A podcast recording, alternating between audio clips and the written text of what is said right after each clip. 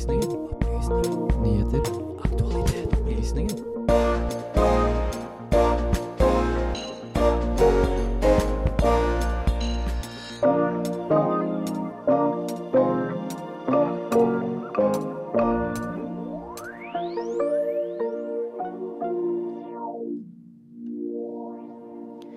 Det amerikanske valget er ni måneder unna, og partiene skal velge hvem som de ønsker som sin presidentkandidat. Hvem er Joe Biden sin utfordrere? Brennpunkt-dokumentaren Ære ble sluppet onsdag forrige uke. Hva legger de egentlig i begrepet ære? Og hvem skal stå til ansvar når det blir publisert deepfakes på internett?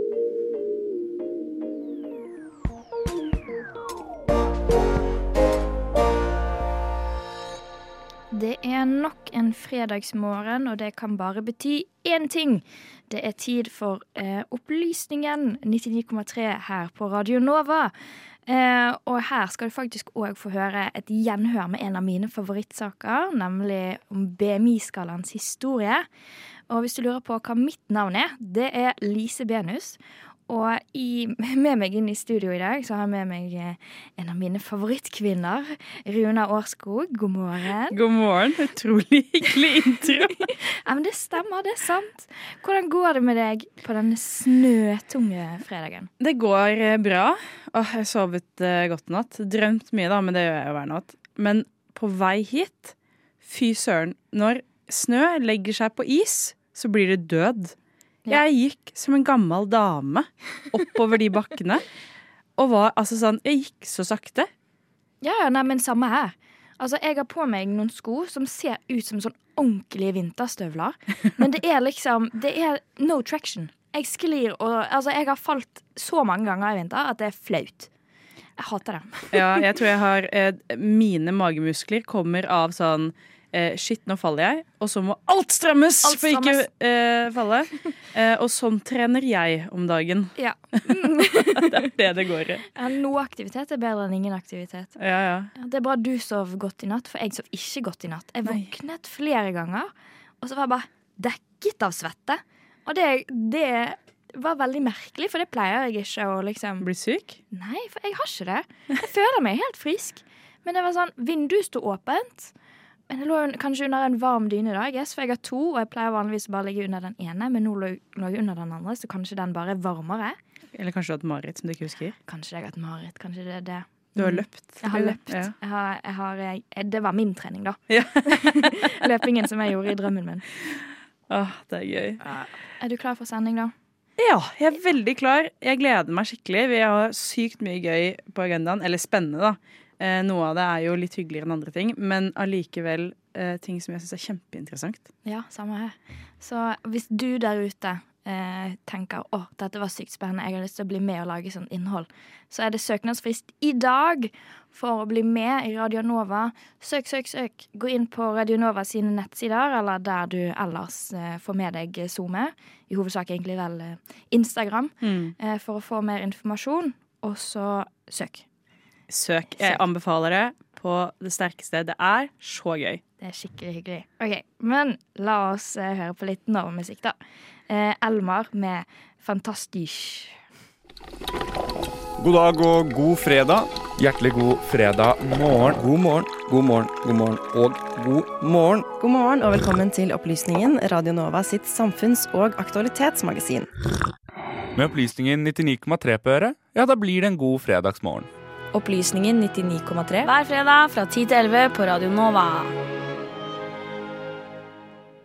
Og her på Opplysningen skal vi nå ha vår første sak. Eh, Forrige uke publiserte NRK eh, sin dokument... øh, Sin Brennpunkt. Brennpunkt som Ja. Men nå, eh, nå tuller jeg veldig med setningen her. Ja, i hvert fall. Brennpunkt eh, publiserte en dokumentarserie eh, på fem episoder som heter Ære. Eh, og denne dokumentarserien har jo fått en del eh, oppmerksomhet nå i det siste. Men hva er egentlig din oppfatningen, din oppfatning av denne, Runa? Eh, min oppfatning er at den tar opp et tema som egentlig har vært veldig betent, og som veldig mange syns er vanskelig. Det er jo altså æreskultur og sånne ting har vi jo slitt med å, å få bukt med i, i Norge siden ja, 80-tallet i hvert fall. Gjerne før det òg. Eh, og det er et kjempe eh, betent tema, fordi alle er enige om at det ikke er bra. Men så er man ikke helt enig om hvordan man skal løse det, og man er ikke helt enig om hvordan man skal ta i det. Eh, og høyresida kritiserer venstresida for å ha berøringsangst. Og venstresida kritiserer høyresida for å komme med lover og regler som er symbolsk og ikke fungerer. Så vi, vi sliter litt med å skjønne hvordan det skal løses. Eh, og eh, det er, denne dokumentaren den handler jo om en anonym person, Nora. Eh, og da vi møttes, hadde redaksjonsmøte på mandag, så nevnte vår journalist Amalie Sundby om at hun egentlig hadde lyst til å finne ut av hva som ligger i akkurat det begrepet ære. Så hun tok og intervjuet eh, Inger Sunde om nettopp dette. Dette intervjuet det skal du få lov til å høre nå. Jeg heter Inger Sunde. Jeg er journalist og regissør i NRK Brennpunkt. Og den siste serien jeg har laga nå, heter Ære. Og eh, handler om eh, kanskje de litt mørke sidene ved æreskultur. Hvordan kan vi nordmenn som på en måte ikke har så mye relasjon til det, forstå litt hva dette æresbegrepet går ut på? Det handler, altså Ære er knytta veldig sterkt til kvinners og jenters seksualitet. En ugift kvinne skal, ikke, skal helst bo hjemme til hun er, er, gift, hvis ikke hun skal på en konkret skole, utdannelsesløp, selvfølgelig. Eh, så skal du jo bo hjemme. Eh, sånn at man, Foreldrene må jo ha en forklaring på hvorfor eh, den ugifte jenta ikke bor hjemme lenger. Men i tillegg så er brudd på æren kan jo være å være sammen, som vi så i den siste episoden med jenta fra Tromsø, som da hadde blitt sett offentlig sammen med en annen mann uten å være gift. Det var jo en skandale for familien. Um, du kan uh, Du skal ikke gå med lang Du skal dekke deg til fra du er fra en viss alder, gjerne sånn slutten av barneskolen. Um, gå med langarmer. Det var i, uh, dette var jo særlig i, i Nora sitt tilfelle. Um, ikke komme rett hjem fra skolen. Ikke forhold Altså, vær, altså du skal følge veldig strenge regler. Og, og så kan jo også brudd på æren i andre sammenhenger være bare det å ønske om å skille seg. Kan også være en, en, noe som bryter med familiens ære. Vi følger jo noen sånne rettssaker hvor det er veldig viktig å få ære som motiv. Hvorfor er det så viktig å etablere? Det, jeg nevnte det så vidt i, i, serien, men ikke tydelig nok, tror jeg. Ære er i dag eh, straffeskjerpende. Sånn at hvis, du, eh, hvis man klarer å bevise over enhver tvil at ære er motivet, så er det straffeskjerpende fordi at det skal ha en forebyggende effekt. Apropos det, så er det mange eh, på Nova som lurer på hvordan det går med Nora. Kan du si noe om det uten å Og Det er så hyggelig at eh, Jeg blir helt rørt når folk bryr seg om eh, Nora. Det går fint. Det går mye bedre med Nora. Hun, uh, hun har fått en bonusfamilie som behandla henne som sin egen datter. Og hun har fått god hjelp av psykolog, som er utrolig viktig, som man virkelig trenger når man var litt oppdratt til å oppleve at en ikke er verdt noe som helst. Som veldig mange av disse særlige jentene da, som har blitt utsatt for æresvold, de er på en måte fratatt selvrespekten fra de er født, nærmest. Så, og da må man ha profesjonell hjelp. Så hun, det går fint. Og så helt på tampen, hvis det er noen som hører på som eh, er i en situasjon hvor de lever under sosial kontroll, hva er det de kan gjøre? Jeg tror det er veldig viktig Jeg har trua på å snakke med dem hvis det er en mangfoldsrådgiver på skolen f.eks. Så tror jeg at de kan være til god hjelp. For de er spesifikt uh, uh, utdanna eller har den kunnskapen som skal til for å kunne veilede vedkommende videre. Og hvis ikke det er en mangfoldsrådgiver på skolen, så tenker jeg uh, helsesøster. Altså det er utrolig viktig å melde fra. Uh, og så er det også veldig viktig hvis andre ser opplever, har mistanke om at noen er blitt utsatt for noe straffbart, som er denne avvergingsplikta, som gjelder både meg og deg, så, så er det viktig å også melde fra. Og, og, og, så er det også Røde Kors-telefonen, som eh, vi la i slutten av programmet. Det er også en, eh, et sted å henvende seg der de har god kompetanse på dette her. Medvirkende i denne saken, det var Amalie Sundby. Opplysningen. Hver fredag. Du skal si 10 til 11. Også. Nei, men hvis, hvis opplysningen hver fredag 10 til 11 på Radio Nova. Ja, okay. Ja, det er fint. Og eh, ja, vi er tilbake. Og eh, ja, vi er jo i 2024. Eh, og dette året har vi allerede snakket om at kommer til å være sterkt preget av eh, valget som kommer til å gå av staben i november borte i USA. Eh, for selv om det er mange hundre kilometer unna, så er den personen som sitter som president av det landet, har veldig mye å si. Både i det landet, holdt på å si USA, men òg internasjonalt. Eh, for de har jo ekstremt mye makt. Eh, og da har jeg et spørsmål til deg, Runa. Kan du forklare meg litt kort hvordan man kan bli presidentkandidat? Oi. Eh, ja, først eh, så er det, det er ganske vanlig. Man må ha mye penger. For man må drive valgkampen sjøl. Det er ikke sånn som her at det er en valgkamp partiet driver, eh, hvor det er innad i partiet at man velger eh, kandidaten som skal sitte på topp. Det er eh, velgerne som velger kandidaten til partiet som skal sitte på topp. Så da driver du en valgkamp, og så reiser du fra delstat til delstat, og så stemmer velgerne i den delstaten på om du får lov til å representere f.eks. republikanerne. Det er det Trump holder på med nå, mot bl.a. Nikki Haley. Eh, og så gjør de jo faktisk det med Biden nå. Det bare er ikke så stort i mediebildet.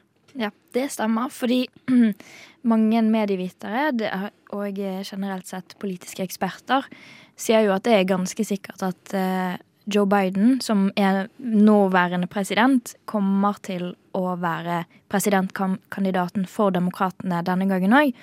Men så er det faktisk to stykker som fortsatt er i løpet, eh, som jeg har tatt en nærmere titt på.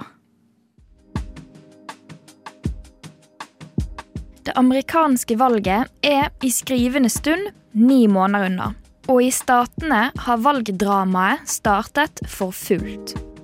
De fleste valgeksperter forventer å se to kjente fjes gjenta striden de sto i for snart fire år siden. Trump og Biden.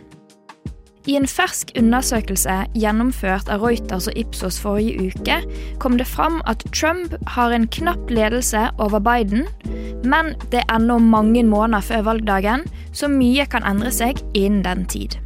Men det var noe annet som òg kom tydelig fram i denne undersøkelsen.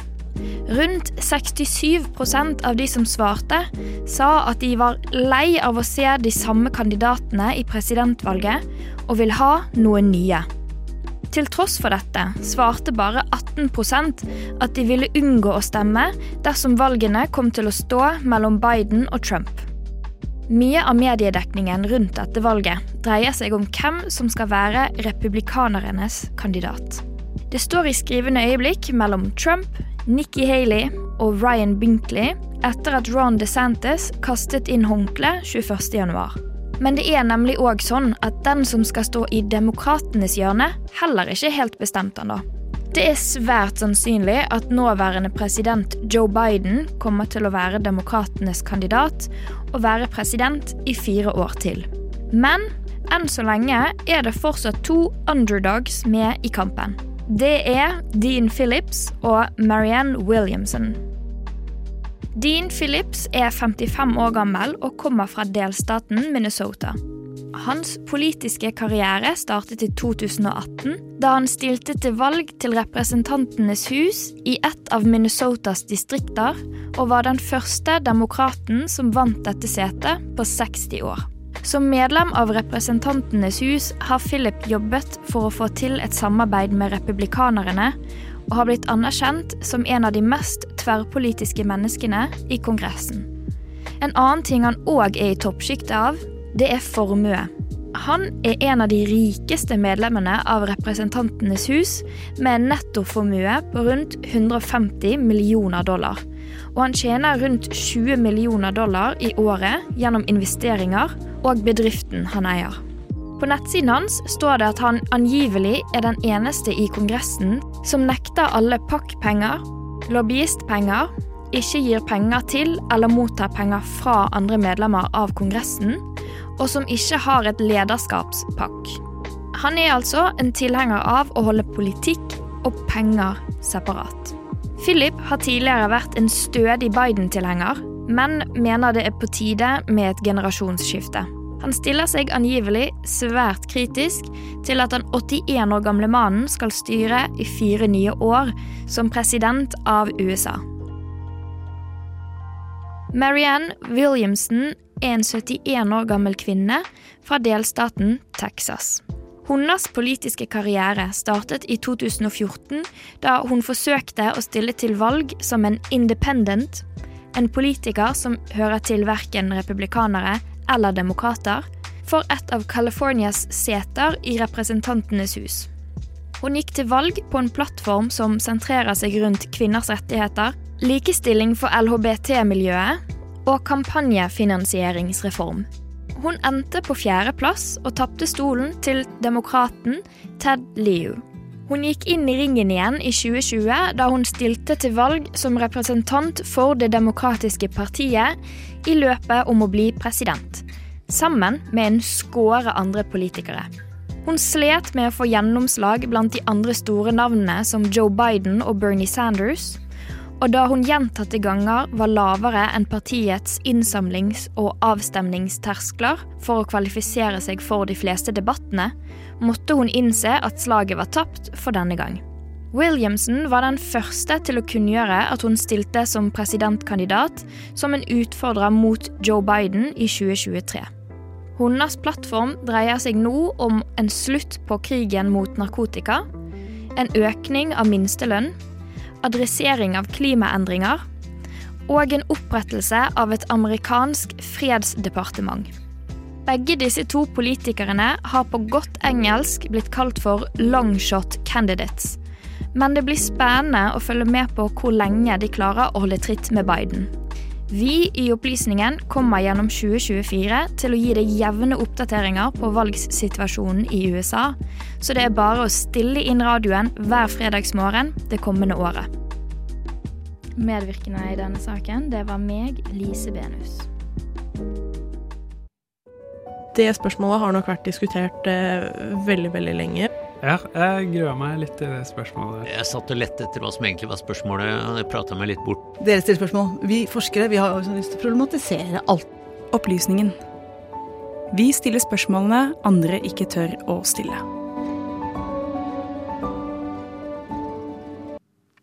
Den, eh, eller de siste dagene så har det jo vært snakket en del på sosiale medier om noen nakenbilder som ble publisert av Taylor Swift på annet X, eller tidligere kjent Twitter, og Reddit og Instagram. Og det var eh, spesielt på Twitter, eller X, jeg kaller det bare Twitter. Jeg, flere, det er en saksopplysning, jeg kaller det Twitter, for jeg glemmer at det heter X. Um, men det var i hvert fall flere millioner mennesker som rakk å se dette, eller disse bildene og snakke om disse bildene på Twitter før Twitter reagerte. Men Runa, denne saken skal jo ikke handle om nakenbilder. Hva skal den handle om? Den handler ikke om nakenbilder fordi at det er ikke ekte nakenbilder. Det er eh, KI-genererte nakenbilder som eh, en som satt hjemme og brukte en KI, eh, lagde av Taylor Swift og publiserte på Twitter.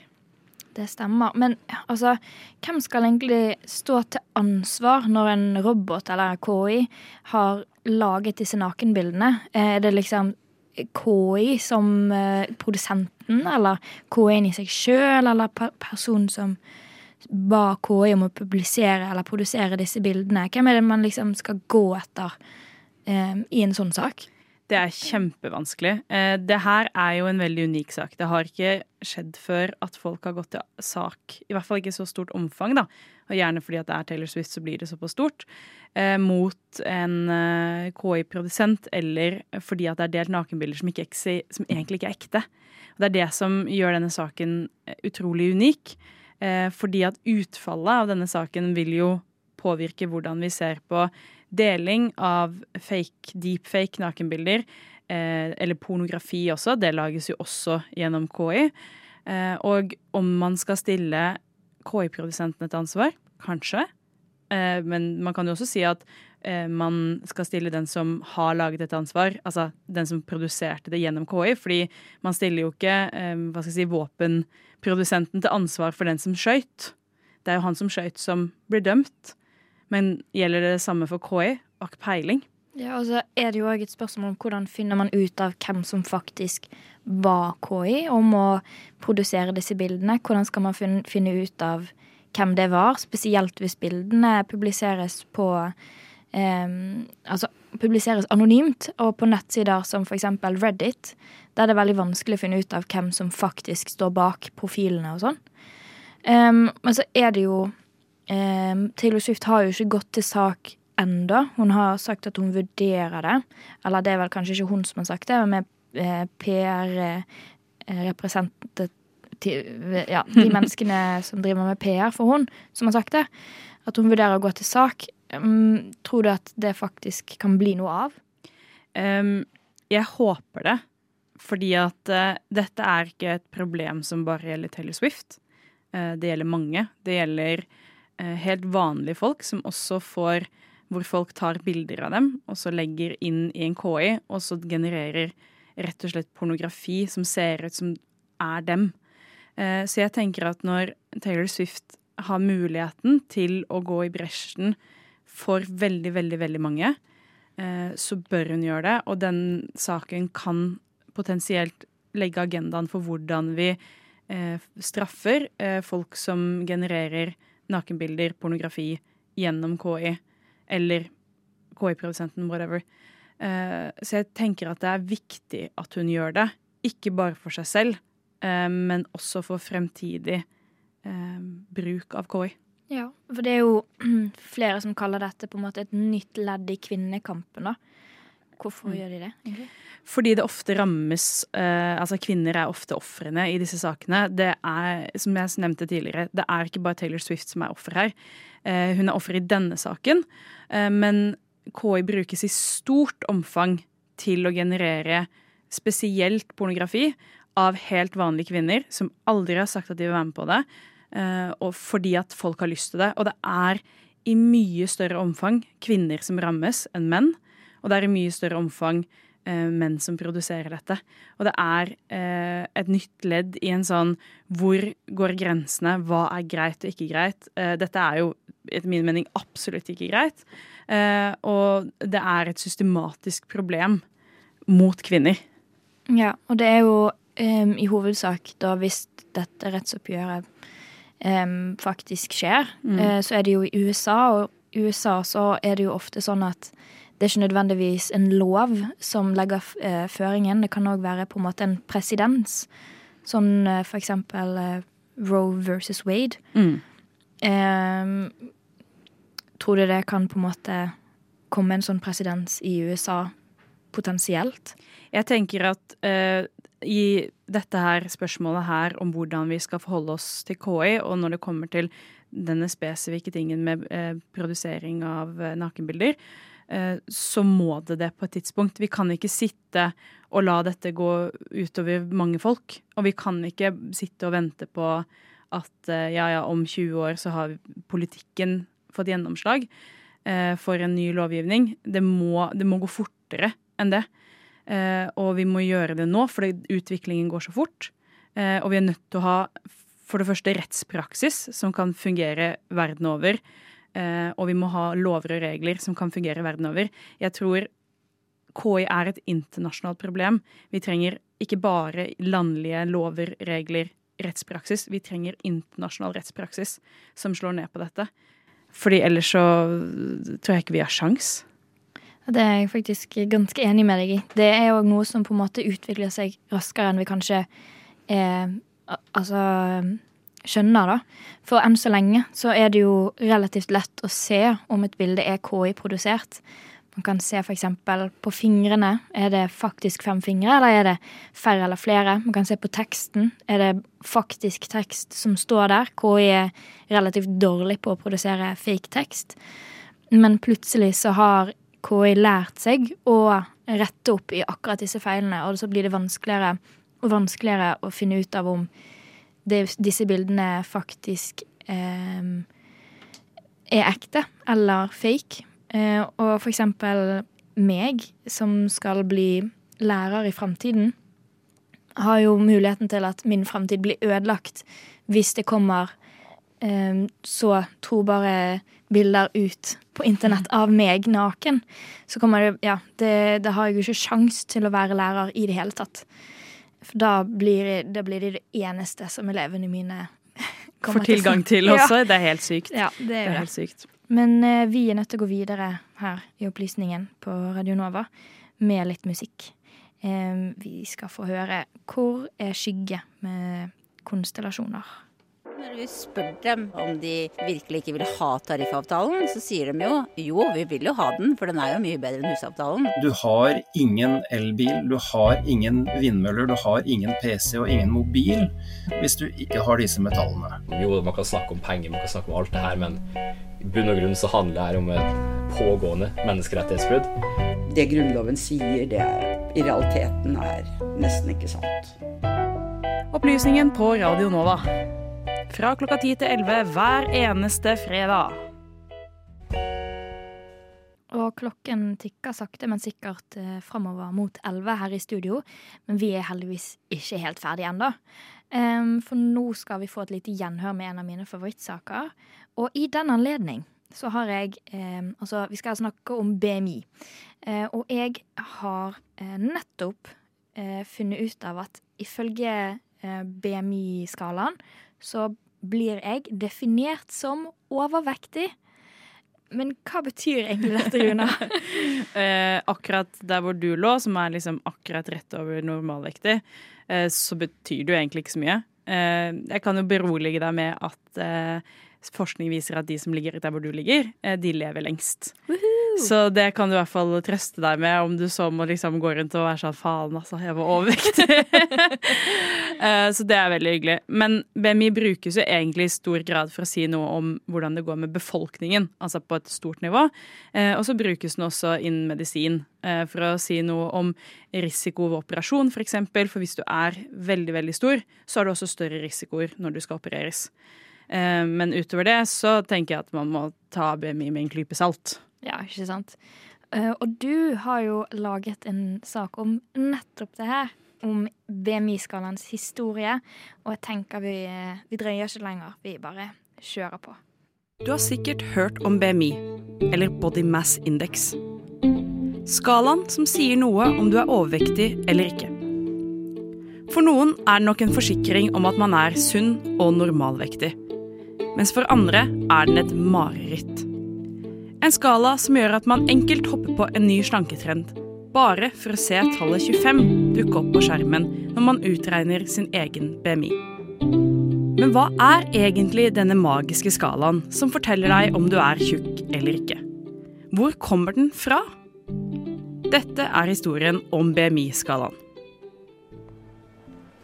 Vi er tilbake i 1796 i Belgia, eller Den franske republikk som det var den gangen. Her i byen Gent ble en liten gutt født ved navn Lambert Adolf Jacques Ketelet. Han skulle senere bli kjent som BMI-skalaens far. Ketelet var tidlig en akademisk mann, og allerede som 25-åring hadde han en doktorgrad i matematikk. Han jobbet hardt og bredt for et internasjonalt samarbeid mellom universiteter, og gjennom sitt liv grunnla han diverse internasjonale statistiske organisasjoner og tidsskrifter. Ketelet var ikke bare matematiker, men astronom, statistiker og sosiolog.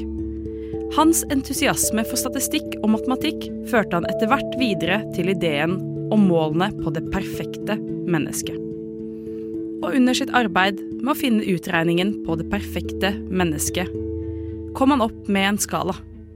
En skala som senere skulle påvirke vår forståelse av hva god helse kan være.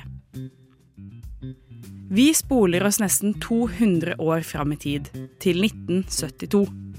Det er i dette året BMI-skalaen slik vi kjenner den i dag, ble til. Av en forsker ved navn Angel Keys og hans team. Keys samlet inn data om 7200 friske menn fra fem europeiske byer, og regnet ut deres BMI. Gjennomsnittet av denne undersøkelsen ble det vi i dag anslår for å være normalvekten i befolkningen. Men hvem var det som bestemte at Keys skala skulle brukes over hele verden? Svaret ligger nok i en rapport fra Verdens helseorganisasjon, som i 1993 brukte Keys sin BMI-skala for å si noe om befolkningshelsa i ulike land. I denne rapporten ble skalaen delt opp i fire kategorier. Undervektig, normalvektig, overvektig og sykelig overvektig. Og resultatet ble det helsevesenet i dag bruker som en indikator på om du ligger for langt unna normalvekten og dermed må spise mer eller slanke deg. Vi er nå tilbake i vår egen tid. En tid der BMI-skalaen er lett tilgjengelig for alle, og hvor flere aktører bruker den. Fra treningsstudioer og influensere som vil selge deg den beste dietten og treningsprogrammet, til helsevesenet som skal hjelpe deg med å oppnå en sunn og frisk kropp. Men sier den egentlig noe om din helse? Fungerer egentlig BMI-skalaen? Ser vi tilbake på vår reise gjennom BMI-skalaens historie, kan vi trekke frem et par viktige punkter. For det første. BMI-skalaen er en undersøkelse gjort på rundt 7000 friske menn fra 70-tallet. Det er deres gjennomsnitt som har lagt grunnlaget for hva som anerkjennes som normalvektig. Kvinner ble ikke inkludert i studien. Ei heller en variasjon av ulike etnisiteter. Variasjonen av mennesker inkludert i studien er derfor for dårlig. For det andre. Det er en dårlig skala å bruke på et individnivå. Mange forskere, inkludert Keys og hans team, mener at skalaen kan si noe om den generelle befolkningen, men at den ikke sier noe om deg som individ. For det tredje. Den sier kun noe om forholdet mellom vekt og høyde. Den inkluderer ikke muskelmasse eller vekten av skjelettet. Med andre ord, BMI-skalaen er en dårlig indikator på hvor sunn du er, om du som person egentlig er overvektig eller ikke. Og selv om helsevesenet er skammelig klar over problemene med BMI-skalaen, fortsetter de å bruke den. Hvorfor?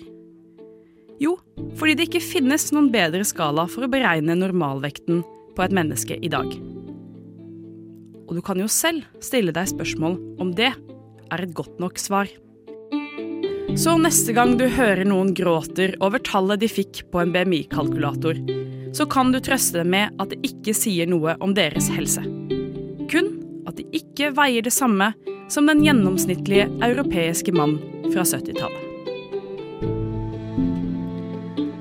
Medvirkende i denne saken det var Runa Årskog, og musikken ble hentet fra Blue Dot Session. Eh, apropos musikk, nå kommer det litt eh, god Nova-musikk. Du får Gamle flammer med skjeletter i skapet. Benjamin, kan du hjelpe meg å lete? Det er, det er noe jeg ikke finner. Eh, hva er det du mangler? Jeg mangler jingle til opplysningen. Mm, ah, nei, det kan ikke jeg hjelpe eh, Vent, lager du en jingle nå? Ja, Lise, kan du bare ta en trudelutt eller noe? Trudelutt! Opplysningen! Det stemmer. Du hører fortsatt på Opplysningen på Radio Nova. Eh, men dessverre ikke så veldig mye lenger. Fordi at nå må vi snart ut av studio og gi plass til studentnyhetene. Eh, så hvis du har lyst til å bli oppdatert på alt det nye som skjer med og rundt og av studenter, så er det bare til å følge med videre. Eventuelt søke de opp eh, i din prefererte podkast-distributør. og nå er det snart helg, Runa. Åh, det blir deilig. Er du klar for helg? Ja, jeg er det. Den uka her har av en eller annen grunn bare vart og vart og vart og vart. Ja, jeg kjenner meg igjen der. Det blir så deilig å endelig eh, kunne ta helg. Og en annen ting som jeg gleder meg veldig til, det er eh, lunsj. Ja. Åh, jeg er sulten. Begynner å bli sulten. Begynner å bli lunsjtider nå. Og hvis du tenker sånn Hæ, hva mener du lunsj? Jo da, da kan jeg friste deg med at hvis du blir med i, i Radio Nova, så er det veldig mye sosialt samvær. Blant annet så kan du være med på lunsj hver dag klokken tolv. Men bare hvis du er medlem her. Så søk. Søk, søk, søk. Søk, søk, søk før fristen går ut. Men med de ord så må vi runde av her i Opplysningen. Eh, Medvirkende i denne sendingen det har vært Amalie Sundby, Runa Årskog og meg, Lise Benus. Og i studio så har jeg hatt Runa Årskog. God helg. God helg, Lise. Og mitt navn det har vært Lise Benus. Vi avslutter med litt eh, god Nova-musikk. Vinno og gjennomfødt kultur med Digg som faen.